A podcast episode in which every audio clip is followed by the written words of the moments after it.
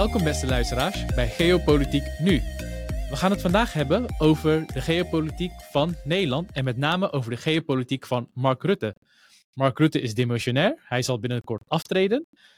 Maar het is wel interessant om te zien hoe hij het eigenlijk de afgelopen jaren heeft gedaan en hoe hij het ook nu doet. Uh, Michel, hoe komt het eigenlijk dat we niet specifiek de geopolitiek van Nederland hebben behandeld? Ja, we zijn nu ruimschoots een jaar bezig en we hebben eigenlijk alleen expliciet de geopolitiek van Nederland behandeld met Jasper van Dijk, Kamerlid van de Socialistische Partij, de SP. Dat is eigenlijk wel opvallend, want wij zijn Nederlanders en we hebben het zelden echt over de geopolitiek van Nederland gehad. De enige wijze waarop het ooit aan bod is gekomen, is eigenlijk in de meeste podcasts dat wij bespreken wat Nederland zou moeten doen. Maar we hebben het zelden echt gehad over wat Nederland nu eigenlijk echt doet. Ik kan eigenlijk niet zo goed verklaren waarom dat zo is. Ik denk dat het eigenlijk te maken heeft met dat wij onze luisteraars met name willen leren of informeren wat er wereldwijd gebeurt. En dan komt het vraagstuk wat doet Nederland eigenlijk niet zo uitgebreid aan bod om die reden.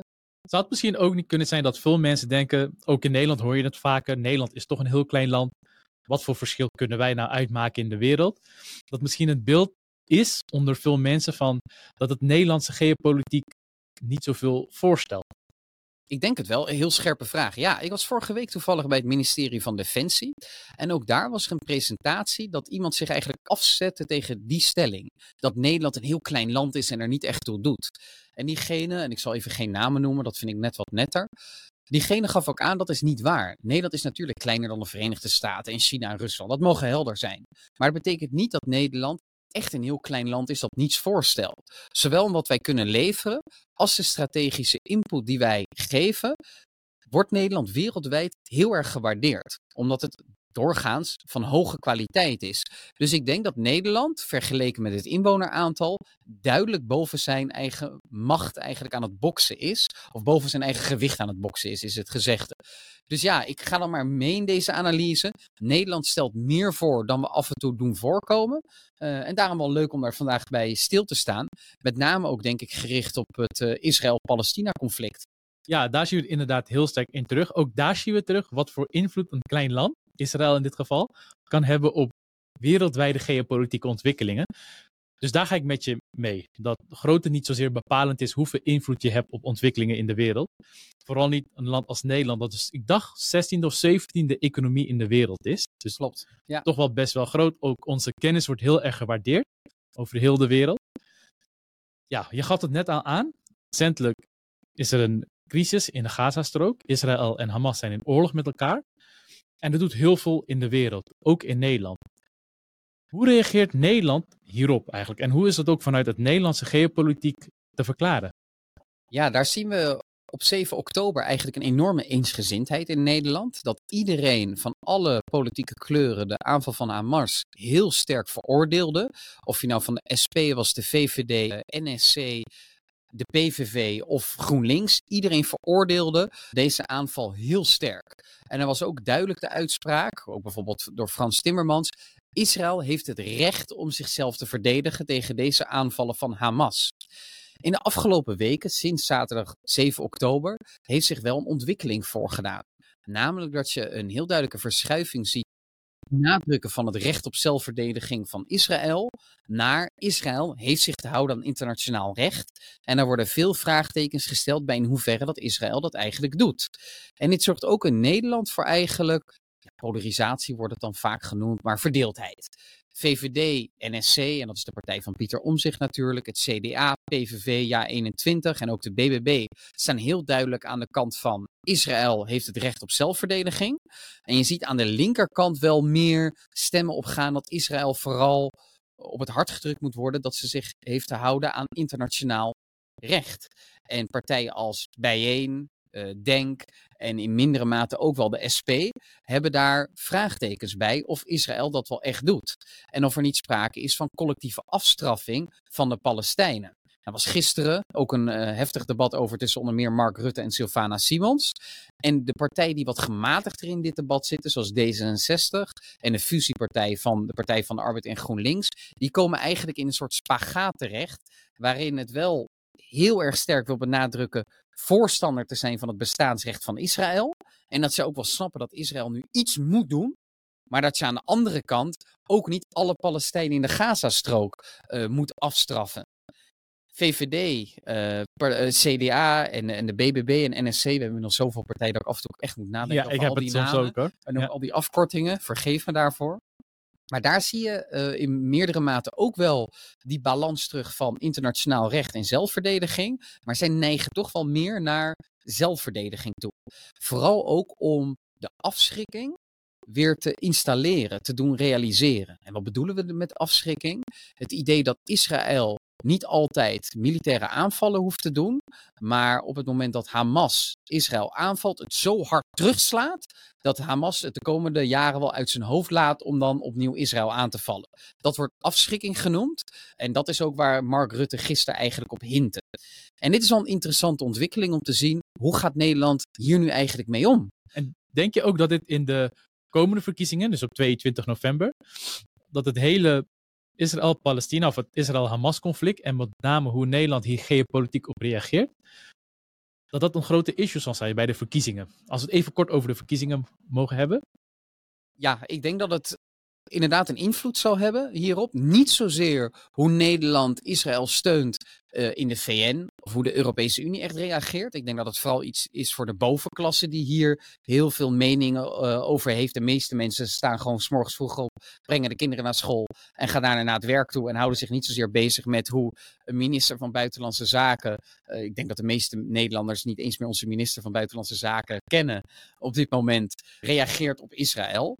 Ik denk wel de spanningen die dit conflict in Europa blootleggen, gaan voor een verrechtsing zorgen. Ik denk dat dat overduidelijk het geval zal zijn. Veel mensen hebben toch het idee dat Europese landen hun cultuur aan het verliezen zijn. Dat ze het idee hebben dat ze de macht over de straat kwijt zijn. En dat legt dit conflict in bepaalde steden in Europa uh, best wel bloot. En dat dat ongelooflijk veel weerstand opwerkt bij mensen thuis. En wat is dan vaak de reactie? Op een rechtsere partij stemmen. Dus ik verwacht een soortzelfde tendens terug in aanloop naar 22 november. Dat is wel heel interessant analyse. Dus je geeft eigenlijk aan dat laatste conflict tussen, het huidige conflict tussen Israël en Hamas, heel duidelijk in Nederland blootlegt dat er een strijd gaande is tussen enerzijds Israël heeft het volle recht zichzelf te verdedigen, slash ook Hamas te straffen voor wat ze hebben gedaan. En aan de andere kant heb je een groep mensen, partijen die vinden Israël heeft het recht om te blijven bestaan, maar ze dienen zich wel te houden aan het internationaal recht. En met andere woorden, ze mogen ook niet de Palestijnse bevolking in Gaza-strook straffen voor wat Hamas heeft gedaan. En dat die twee beelden met elkaar clashen, dat zie je nu meer als vroeger, meen ik. Tegelijkertijd wil jij dat juist deze strijd zal leiden dat bij de komende verkiezingen, met name wat rechtse partijen, dus eigenlijk de partijen die meer staan voor dat Israël het recht heeft om zichzelf te verdedigen en Hamas te straffen, ja, dat zij hierdoor meer zetels zullen behalen. Dat is je mijn dat verwachting wel. Ja, los van wat wij er zelf van vinden. Ik denk dat dat zich uiteindelijk nu laat aftekenen. En dan is er ook nog een derde kamp waar ik het net over had. Namelijk het kamp dat zegt Israël heeft überhaupt geen bestaansrecht. En moet hoe dan ook van de kaart geveegd worden. En je ziet bij linkse partijen eigenlijk wel eens terug dat zij proberen heel duidelijk op te komen voor het bestaansrecht van Israël, maar ook niet deze groep mensen te veel voor het hoofd te stoten uh, uit angst voor een verkiezingsnederlaag. Dus dat is een heel moeilijke spagaat waar, ik noem het maar even, redelijk links zich op dit moment in bevindt. Ja, dat merkte ik zelf heel duidelijk bij PvdA GroenLinks, of GroenRood, ik denk dat ze zichzelf zo noemen. Dat Timmermans had, denk ik, hoe ik het had gelezen, aangegeven dat Israël zichzelf, het recht heeft om zichzelf te verdedigen, maar wel rekening moest houden met internationaal recht. Maar dat een Kamerlid vond dat dat niet te ver genoeg ging. En dat die was opgestapt. Dus daar zie je inderdaad heel duidelijk uh, ja, het spagaat. Als we kijken echt naar het kabinetsbeleid, ja, dus wat Mark Rutte doet, die hint zelf meer dat Israël het recht heeft om zichzelf te verdedigen, slash ook Hamas te straffen. Is dat dan een beeld wat Rutte bijvoorbeeld vroeger ook gehad zou hebben? Of is, dat, is die daar naartoe ontwikkeld dat westerse democratieën heel sterk het recht moeten hebben om zichzelf te verdedigen? Zagen we dat bijvoorbeeld ook terug in Oekraïne? Ik denk dat Rutte de afgelopen 13 jaar een enorme ontwikkeling heeft doorgemaakt in zijn geopolitiek denken. Ik denk wel dat de VVD altijd voorstander is geweest van het steunen van Israël. Dus ik vraag me af of daar zich nu echt een ontwikkeling heeft voorgedaan. Ik denk dat dat er altijd wel is geweest. Maar het opkomen voor westerse democratieën, dat is wel veel sterker geworden bij Mark Rutte. Vooral ook omdat wij in een steeds onzekerdere wereld leven, zoals dat dan noemt. En ik haat het eigenlijk dat ik dat zelfs nu ook zo zeg. Uh, waar westerse democratieën onder druk komen te staan. Waar duidelijk weer vijanden opdoemen. En dat dat ook noopt tot samenwerking. Dus er is wel eens over Mark Rutte gezegd sinds 2010 dat hij vooral voor het Nederlandse belang opkwam. En dat ging in eerste instantie vooral om economisch eh, nationale belangen, maar later ging het ook om andere belangen. Maar hij eerst inschatten dat dat nationale belang vooral gediend kon worden door Nederland zelf en een heel nauwe visie op dat Nederland alleen moest handelen, zie ik de laatste jaren wel heel sterk terug dat Mark Rutte denkt, en dat is even mijn inschatting, dat het Nederlandse nationale belang het meest gediend is bij een sterkere Europese Unie. Dus dan zie je een verschuiving terug van de wijze waarop ons nationale belang het best gediend kan worden, maar niet zozeer een verschuiving in welk belang gediend moet worden. En ik hoop dat dat genuanceerde onderscheid echt landt bij onze luisteraars, want het is fundamenteel iets anders dan te zeggen het Nederlandse belang is überhaupt minder belangrijk dan het Europese belang. Als ik dat moet inschatten, denk ik niet dat Rutte dat vindt, maar simpelweg dat het Nederlandse belang beter gediend wordt door hechtere Europese samenwerking. Daar waar hij juist in 2010 tot en met 2015, en dan breng ik graag even de Griekse economische crisis in, verder in. Gaan we nog op in. Waar hij in Europees verband vooral heel sterk, net als de Duitsers, opkwam voor het enge, en dan bedoel ik even met eng, nauwe Nederlandse economische belang. Na 2015, of eigenlijk na 2014, zie je daar een ontwikkeling in. En dan met name sinds juni 2014, toen MH17, tot treurnis van alle Nederlanders, werd neergeschoten eh, door de Russen. Of door Russische separatisten in Oekraïne. En toen zag je heel duidelijk dat Rutte meer in internationaal verband wilde optreden. En dat hij ook heel veel steun kreeg van Europese partners. Ja, want dat gaf, viel mij ook op. Als ik kijk naar de eerste jaren van Rutte, gaf hij ook aan dat iets van uh, het woord visie is een vies woord, of daarvoor moet je naar de oogarts. Een paar jaar later, met name na de inval in Oekraïne en het neerhalen van MH17, dat hij juist een speech gaf in het Europees Parlement. En daar heel duidelijk met het woord visie kwam, van wat het visie is voor Europa. Uh, op dat gebied veel meer uh, echt sterker Europees is gaan denken. En dat is vooral sinds 2022 met de Oekraïne heel sterk, ja, heel sterk geworden. Sterker nog, ik ben zelf van mening dat nu op dit moment Rutte, misschien samen ook met het Verenigd Koninkrijk, Denemarken, eigenlijk de sterkste stemmen zijn voor steun aan Oekraïne. Hij zegt ook heel duidelijk: Oekraïne moet winnen, moet uiteindelijk lid worden van de EU. Natuurlijk, ze moet aan de voorwaarden voldoen, moet lid worden van de NAVO. En ik denk dat nou, jij. Rutte dat niet zo stellig, maar we gaan wel die kant op. We gaan die kant op. Maar ik denk in ieder geval dat een Rutte van tien jaar geleden dit niet zo zal hebben gezegd. Nee, eh, nogmaals, ik weet niet of hij dit al letterlijk heeft gezegd. Volgens mij niet. Maar we gaan wel heel duidelijk die richting op. En ik weet ook toevallig, ik denk ook wel dat de VVD daar uiteindelijk mee gaat instemmen. Ja, en dat komt echt door de ontwikkelingen wereldwijd. Dus tussen 2010 2014, 15 was met name die focus op dat economisch nationale belang. Na 2014 en de aanslag op MH17 zien we dat hij al internationaler gaat denken. En dat wordt nadien eigenlijk sterker als het bijvoorbeeld gaat om migratie in 2015-16. En dat hij samen met Angela Merkel naar Turkije afreisde om de migratiedeal bij Erdogan af te dwingen. En daar zie je dus duidelijk terug dat door de open grenzen binnen de EU hij realiseerde, hij zich realiseerde dat hij moest samenwerken in Europees verband om zo'n deal af te dwingen. En dat hij dus ook de waarde inzag van Europese samenwerking. Eigenlijk simpelweg om nationale belangen te dienen. Dus eigenlijk de Rutte zoals we die nu zien, of de geopolitiek van Nederland zoals we die nu zien, van de afgelopen, laten zeggen, 10, 15 jaar, heeft met name zijn transformatie te danken door de oorlog in de Arabische lente, oorlog in Syrië en de grote migratiestromen die naar Europa kwamen. En dat daar eigenlijk het besef kwam van, hey, dit kunnen we niet in ons eentje oplossen. We moeten dit echt Europees aanpakken. En dat daar het besef is gaan dalen om ja, zoals ik het zou noemen, meer een producent van samenwerking te worden dan een consument. Dus proberen er zoveel mogelijk uit te halen. Zie ik het goed? Ja, ik denk het wel. Ja, ja. En dat vooral gericht op het Nederlandse nationale belang. Dus economisch 2010-15. Daarna vooral gericht op migratie 2015 tot en met vandaag eigenlijk. En later is er nog een militaire dimensie bovenop gekomen. En die vooral gericht is op Nederland zo sterk mogelijk positioneren binnen de NAVO en ook de EU, zodat wij uiteindelijk vijandelijke mogendheden weerstand kunnen bieden, ook militair gezien. Even heel kort. je gaf vaker aan dat Rutte in 2010 heel erg nauw keek naar geopolitiek van Nederland. In de zin dat Nederland moet heel sterk letten op de economische belangen. Wat speelde er eigenlijk in 2010 af? En welke landen werden daardoor heel erg geraakt door die hele nauwe economische blik van Rutte? In Zuid-Europa, Italië, Spanje, Portugal en Griekenland. Nederland die kwam natuurlijk ook voor een enorme economische crisis te staan. Maar we stonden daar niet alleen in. Heel de westerse wereld, of eigenlijk bijna de gehele wereld, had te kampen met een enorme economische crisis. Dat kwam door de kredietcrisis van 2008. Ja, dat kwam door de kredietcrisis eh, van, uh, uit Amerika uit 2008, waardoor heel veel banken onder druk kwamen te staan. En eerst was het een kredietcrisis, toen een bankencrisis, daarna een grote economische crisis en dat mondde uiteindelijk uit in een eurocrisis.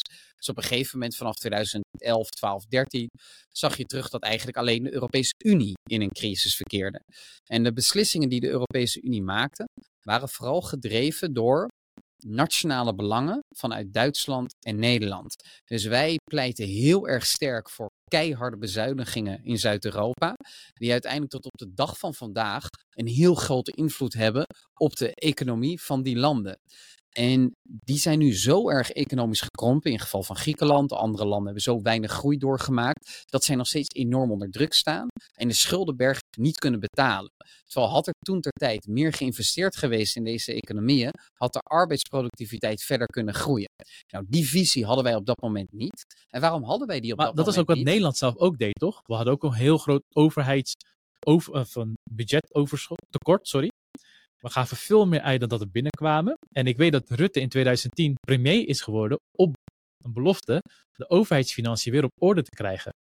En ik denk dat in de andere Zuid-Europese landen, die zaten in hetzelfde probleem, dat eh, ze hele grote tekorten hadden. En had hij daarom ook niet het gevoel, of ook misschien, hij kon ook niet anders, dan als ik in Nederland bezuinigingen afdwing, moet ik dat ook voor de rest van Europa doen.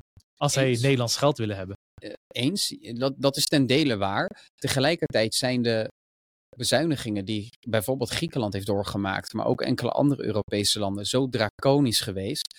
En, dat en concrete Nederlandse- voorbeelden? Ja, ja ik, ik, de, de cijfers staan me niet helemaal precies meer helder, hoewel ik er normaal wel erg goed in ben. Maar Nederland moest, zeg ik even uit mijn hoofd, zo'n 20 à 30 miljard ombuigen. In Griekenland ging het om zo'n, wat is het, 15 à 20 procent van de economie. Dus dan zou het ter grootte zijn geweest van 100 à 150 miljard ombuigen in Nederlandse Ja. economische termen. Dus dat zou een mega-operatie zijn geweest. En richt je dat daarbij vooral op het betaalbaar houden van eh, de overheidsfinanciën, dan kom je uiteindelijk in een situatie terecht dat landen niet meer economisch kunnen groeien, omdat de talenten naar het buitenland gaan, er vanuit de overheid geen investeringen worden gedaan, waardoor uiteindelijk een land veel te weinig producten en diensten kan produceren, ofwel arbeidsproductief blijft en wordt. En dat is het grote probleem geweest. En als je dan in een euro zit, dat betekent dat uiteindelijk heel beperkte groei in deze landen ook invloed heeft op de landen in Noord-Europa. En dat is wat we heden ten dagen terugzien, dat de Europese Unie als geheel, of de eurozone als geheel, als geheel veel te weinig groeit. En dat heeft mede te maken met die draconische bezuinigingen en dat bezuinigingsbeleid van Angela Merkel en Mark Rutte. Uiteindelijk is de keuze gewoon heel simpel. Wil je een euro hebben, moet je een transferunie maken. Wil je Meer dat dan het niet, nu is eigenlijk. Meer dan de sociale veel cohesie. dan het nu is. Wil je dat niet? Ook in orde. Maar dan moet je stoppen met de euro. Dit zijn de twee keuzes die we hebben. En eigenlijk, hoe langer wij wachten, hoe heftiger de keuze zal zijn voor één van beiden. En dat is iets wat ik al langere tijd vrees. Zeker nu met de stijgende rente, zien we dat die staatsschulden in Italië, Spanje en ook Griekenland steeds moeilijker betaalbaar worden. En ook nog even heel duidelijk maken: Nederland heeft toen ter tijd gekozen, onder leiding van Mark Rutte, om stapje bij stapje uit het begrotingstekort te komen. Terwijl in Griekenland in een paar jaar tijd zij afdwongen dat Griekenland jarenlang een primair overschot 3% zou hebben dacht ik. Toch? van 3%. Dat is een mega verschil. Dus Italië en Griekenland hebben beide een primair overschot op de begroting. Oh, Italië ook. Italië, Italië is het land, en dat weten heel weinig mensen, wat ik wel heel komisch vind, is het land in de wereld dat volgens mij een van de, of het langste, eh, een primair begrotingsoverschot heeft van alle landen op de planeet. Sinds begin jaren negentig al. Alleen hun rentes zijn dusdanig hoog dat in het secundaire deel zij alsnog een verlies maken. Ik moet eigenlijk nog even het primair begrotingsschot uit, eh, overschot uitleggen. Dat betekent alle overheidsinkomsten tel je bij elkaar op. Dan doe je daar de uit, specifieke uitgaven bij af, maar niet de rente. En dan kijk je wat er overblijft. Een plusje of een minnetje. Dus eigenlijk de rente nekt Italië in dit geval. De rente maar zou, als we het even weer dan eh, En, de terug- schuldaflossingen. Dus als we dan terugkomt naar de geopolitiek van Mark Rutte binnen de EU, was hij, denk ik dan, ook niet op zoek naar een balans van: oké, we willen de euro behouden. Niet zozeer naar een te grote transferunie toe gaan. Dus we behouden de euro. We willen zuidelijke Europese landen steunen. Het noordelijke land Nederland heeft ook best wel wat geld toegezegd aan die landen. In combinatie met het wel kunnen afdwingen. Of het redelijk was, dat is een ander verhaal. Maar wel hervormingen kunnen afdwingen. En dat we misschien in de toekomst hetzelfde kunnen doen, alleen het wat redelijker, de eisen wat redelijker kunnen stellen. Is dat geen, kan dat ook geen route zijn geweest voor. Ik denk dat het een route is. Ik denk dat hij vooral Zuid-Europa wilde steunen. In zoverre dat het nodig was om niet het economisch systeem van Nederland en Europa te laten indonderen. Dat was de doelstelling. De doelstelling was niet deze landen er zo snel mogelijk bovenop krijgen. De doelstelling was het voorkomen van de ineenstorting van een economisch model van Europa. Oh, dat En is dat het ik- verschil, de dat- intentie. Precies, dat is het verschil van intentie. En daar is uiteindelijk ook gestalte aan gegeven. En daar kun je voorstander van zijn. Hè. Het draait dan niet om mijn mening of wat ik zou doen. Maar weet wel dat op het moment dat je bepaalde landen structureel zwakker laat zijn, dat dan uiteindelijk de Europese Unie en de eurozone als geheel ook wat zwakker zijn. En natuurlijk valt deze landen heel veel te verwijten. Nou, we hebben het zelf, je weet Corruptie, eh, ondernemersklimaat. gehad over Griekenland. Daar hebben we het echt tientallen uren, duizenden uren over gehad. Ook over Italië en Spanje. Dus ik ben me daar heel goed bewust van.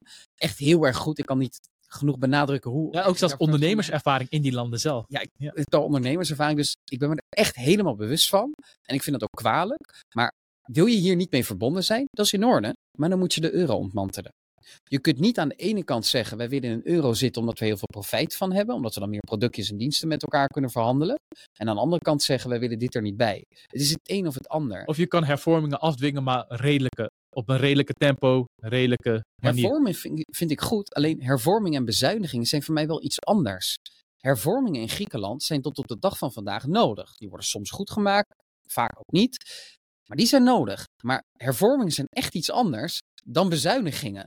En het is eigenlijk ook een frame trucje geweest om hervormingen, bezuinigingen, hervormingen te noemen. Ja, dat zei Rutte altijd. Die landen moeten hervormen.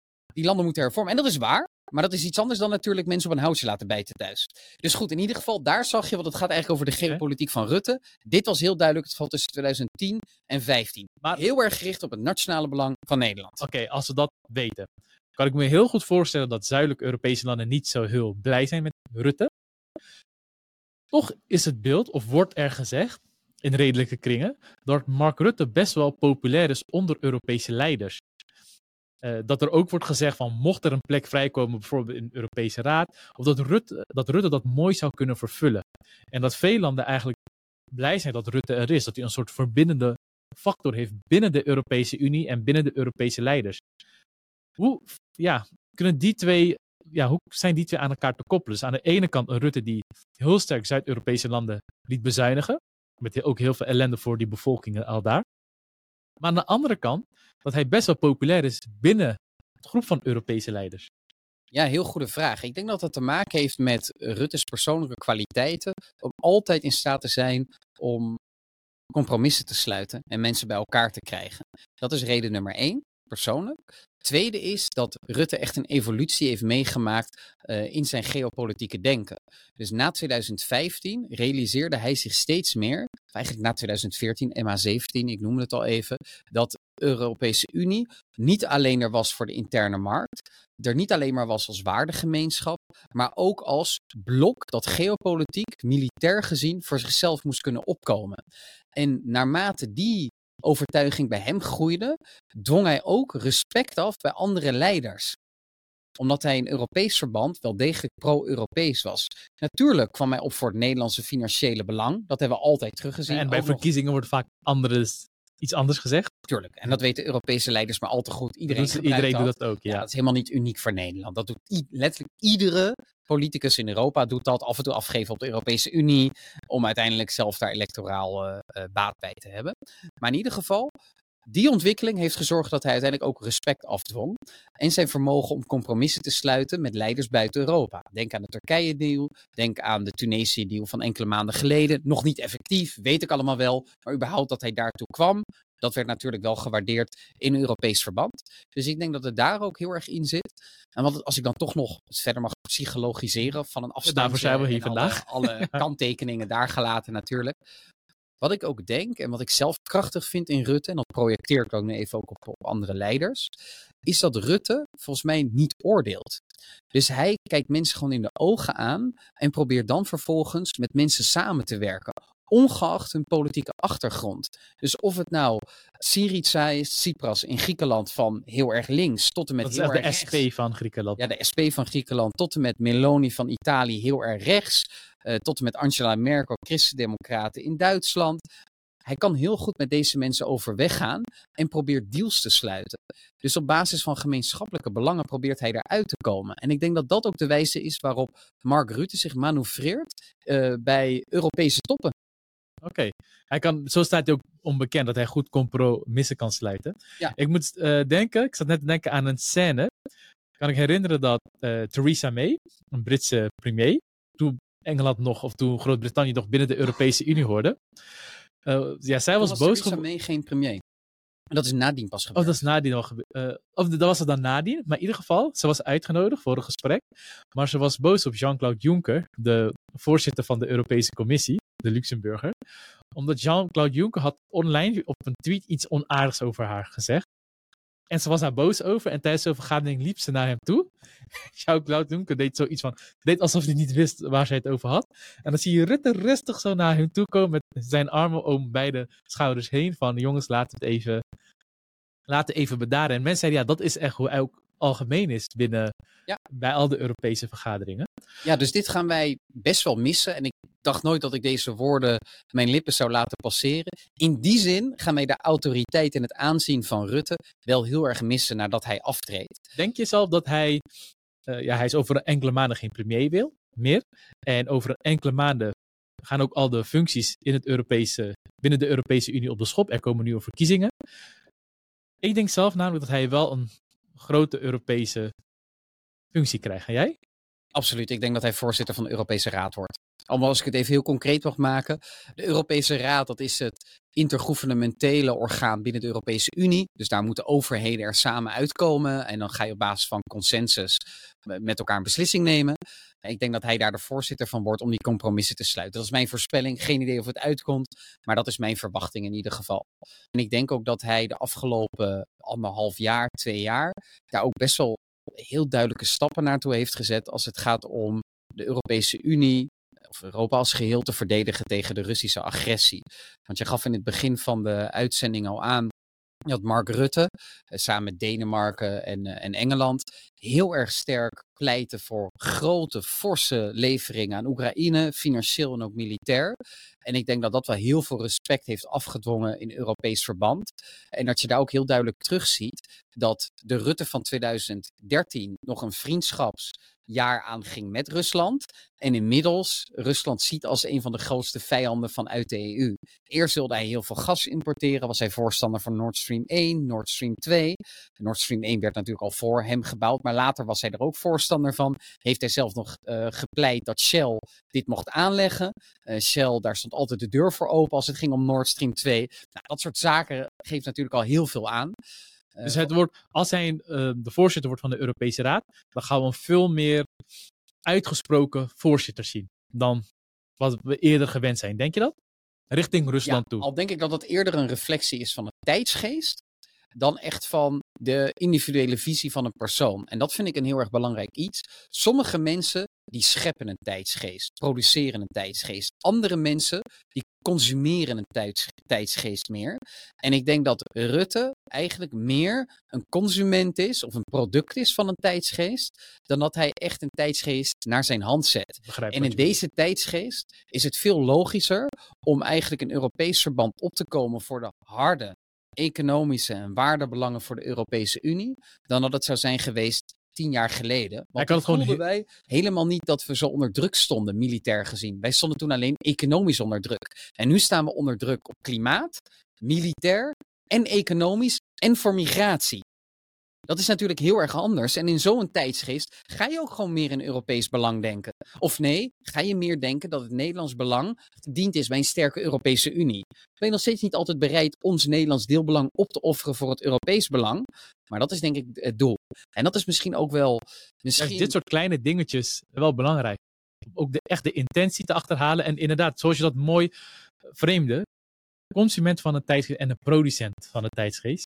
Als zijn producenten van tijdsgeest, dat zijn echt speciale ja, personen. Dan denk ik gelijk aan grootste personen als Lincoln en dat soort mensen. Staan die eigenlijk wel, hè? Ja, inderdaad. Producenten van tijdsgeest. Ja, misschien Socrates.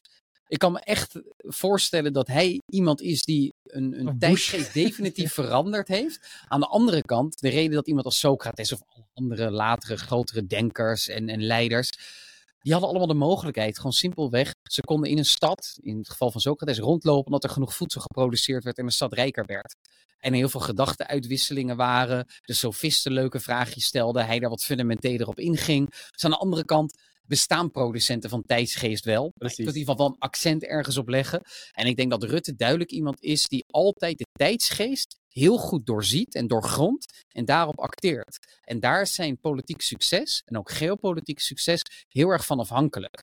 En ik denk uiteindelijk dat voor Nederland dan alsnog de vraag voor ligt: kunnen wij, moeten wij soms het Nederlandse deelbelang opofferen voor een Europees groter belang?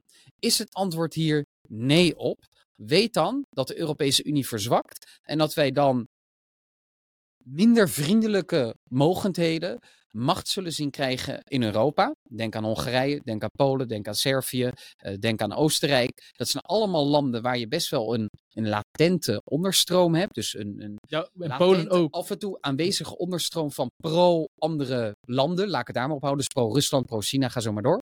Nu zijn die bovenstromen gelukkig wat meer westers, op Servië na. En Hongarije nu trouwens ook. En laten wij dat deelbelang van Nederland niet vieren, dan zal, zullen deze onderstromen daar sterker worden. En dan krijgen we dus vijandige mogendheden dichter bij Nederland. Vraag is of je dat wilt. Ik zelf niet. Ik zelf denk dat we dan voor een sterke Europese Unie moeten pleiten. Eh, Ik denk zelfs sterker nog, dat je denk ik ook anders kan framen. Ik denk zelf dat het ook in het Nederlands belang is om voor de lange termijn, voor ruime welvaart en welzijn, voor de lange termijn, voor de gehele Nederlandse bevolking, om op korte termijn deelbelangen eh, op te offeren. Dus ik denk niet dat het zozeer moet zien van moeten wij deelbelangen opofferen ja, voor altijd. Nee, je offert het voor nu als het ware op. Maar op de langere termijn zorgt het voor een nog bredere welvaart, welzijn en een, sterkere Nederland. Dus in die zin zou je het misschien niet als een opoffering kunnen zien, maar eerder als een, ja, als een maatschappelijk geopolitieke investering. Ik ben het helemaal met je eens. En ik zie het zelf ook zo. Maar je weet niet zeker of deze geopolitieke investering zich uitbetaalt. Dat is met elke investering zo, toch? Eens, eens. Maar daarom kan het af en toe voor sommige mensen dan handiger zijn om voor dat directe, kleinere deelbelang te kiezen. Ik zelf ben er geen voorstander van en denk uiteindelijk dat iedereen baat heeft bij een sterkere Europese Unie. Maar ik kan me voorstellen dat bepaalde mensen graag zoiets hebben van ja, hoeveel geld moeten wij nog in een bepaalde landen stoppen voordat ze een beetje normaal gaan presteren? Van wat moet er nou nog gebeuren? Het is de 21ste eeuw en als je dan nog steeds massaal corruptie doet, kom dan niet janken. Maar ik, ik denk dat dit ook het eeuwige politieke spel is. Landsbelang versus regimesbelangen. Dus partijbelangen of individuele politici-belangen. En korte termijn versus lange eh, termijn. Dat zie je eigenlijk in alle crisis terug. Gaan we voor korte termijn oplossingen, wat ons nu een, op korte termijn meer conform oplevert? Of gaan we nu offers maken voor de lange termijn, waar ik, maar misschien mijn kinderen of zelfs kleinkinderen profijt van zullen hebben? En zijn we daartoe voor bereid? Ja, Een heel goede vraag. En ik denk bij Rutte zie ik terug dat hij dat niet doet.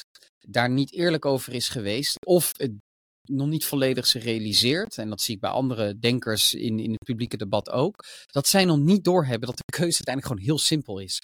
Of transferunie of geen euro.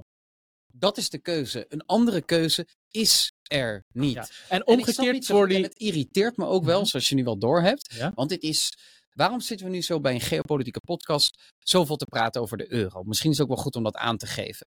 Omdat uiteindelijk alles wat Nederland doet afhankelijk is van de kracht van de economie één en onze monetaire unie.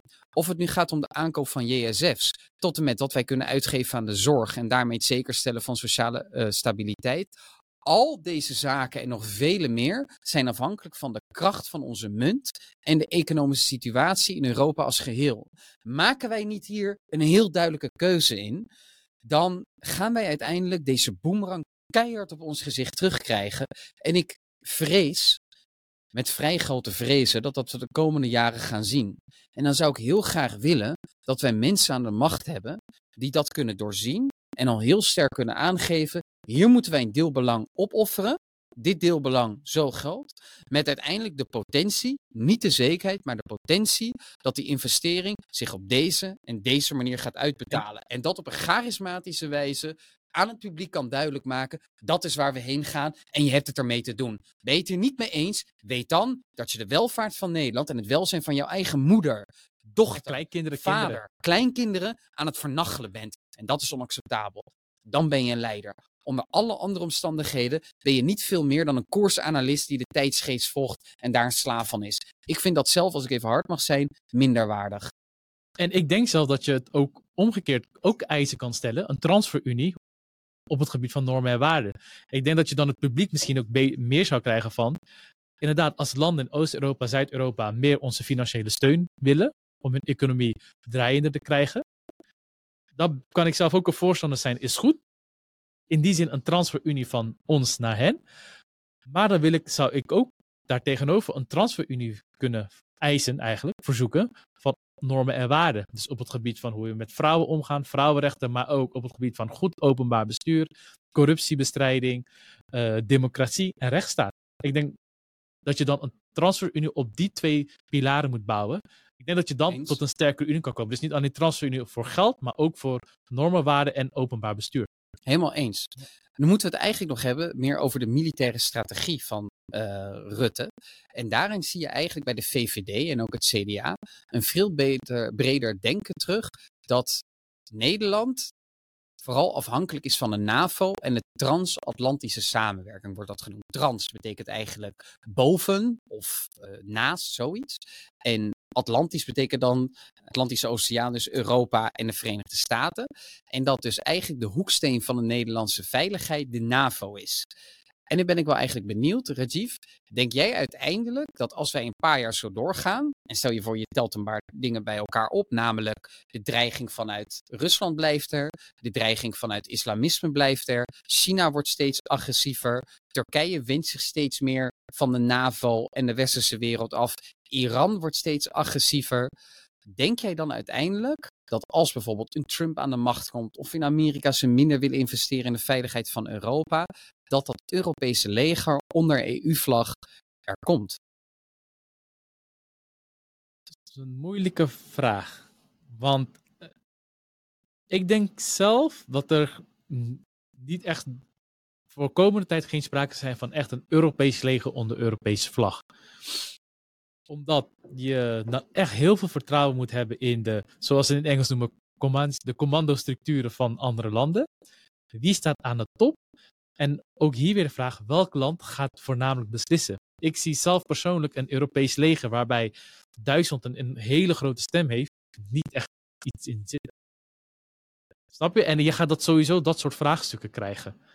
Van, uh, ja. Dus jij bent eigenlijk niet principieel tegen een Europees leger, maar eerder tegen omdat je gewoon simpelweg niet helemaal weet wat je ervoor krijgt. Precies, ja. ja. Ik deel die angst wel, want ik moet ik zou dan wel graag de strategie van een eventueel Europees leger willen hebben. En dat denk ik bijvoorbeeld ook Volt kwalijk.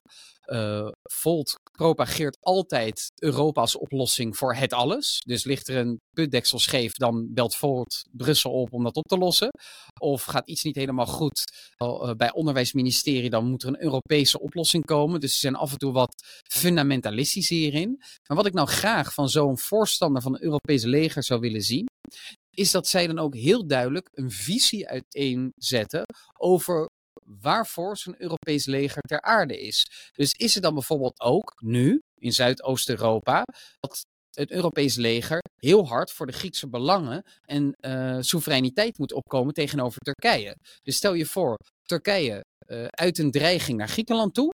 Uh, bijvoorbeeld over het loslaten van raketten op Athene, iets wat afgelopen jaar gebeurd is, zo'n dreiging. Is het dan ook zo dat dan gelijk troepen naar Zuidoost-Europa moeten gaan om duidelijk te maken, hier en niet verder? En als dat niet gebeurt, dan zal vanzelf het draagvlak van zo'n Europees leger net zo snel wil, uh, ja, dalen.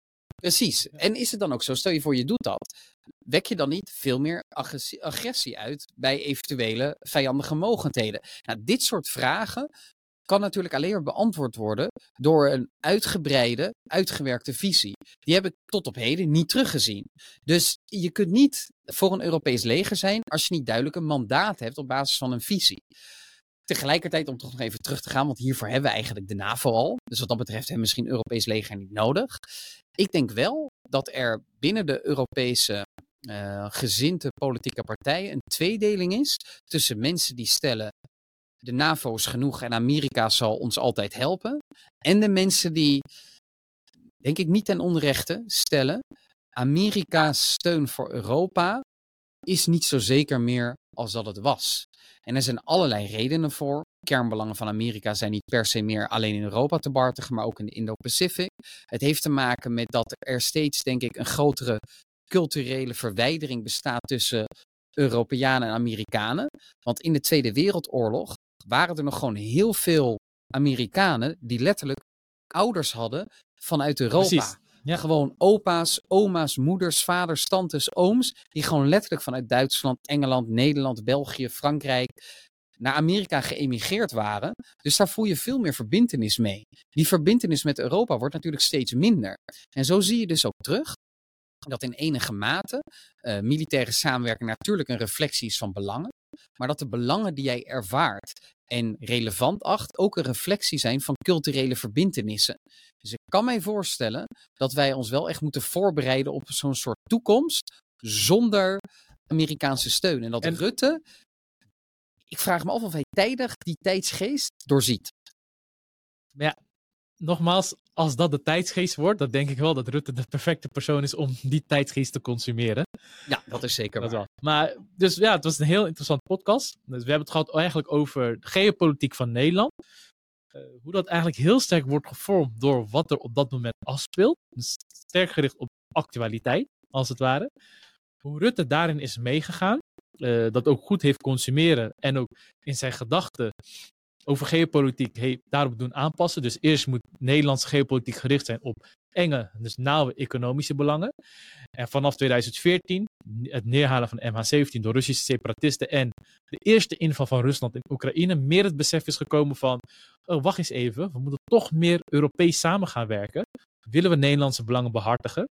En dat werd nog eens versterkt door de migratiecrisis, dus door de burgeroorlog in Syrië. Uh, en dan nog veel verder versterkt door de inval in Oekraïne 2022. En het huidige, zoals ze dat noemen, onzekere wereld. Dus dat is heel interessant om te zien. Ook heel interessant hoe dat eigenlijk de komende periode gaat ontwikkelen. Vooral met een Rutte als mogelijk voorzitter van de Europese Raad. Of hij inderdaad inzicht zal hebben van, ja, moeten we echt naar een meer Europese samenwerking toe, ook op militair gebied. En dan nog, nog belangrijker is, hoe zullen we dat met een goede intentie communiceren naar de Europese bevolking toe en echt met een visie komen. Ja, dat wordt interessant. Ik kan daar zelf ook een antwoord niet op geven. Ik hoop jullie wel, beste luisteraars. Ja, we hopen dat jullie uh, dit een hele interessante podcast vonden. En dat jullie natuurlijk afscheid hebben kunnen nemen van jullie ongeïnformeerde zelf.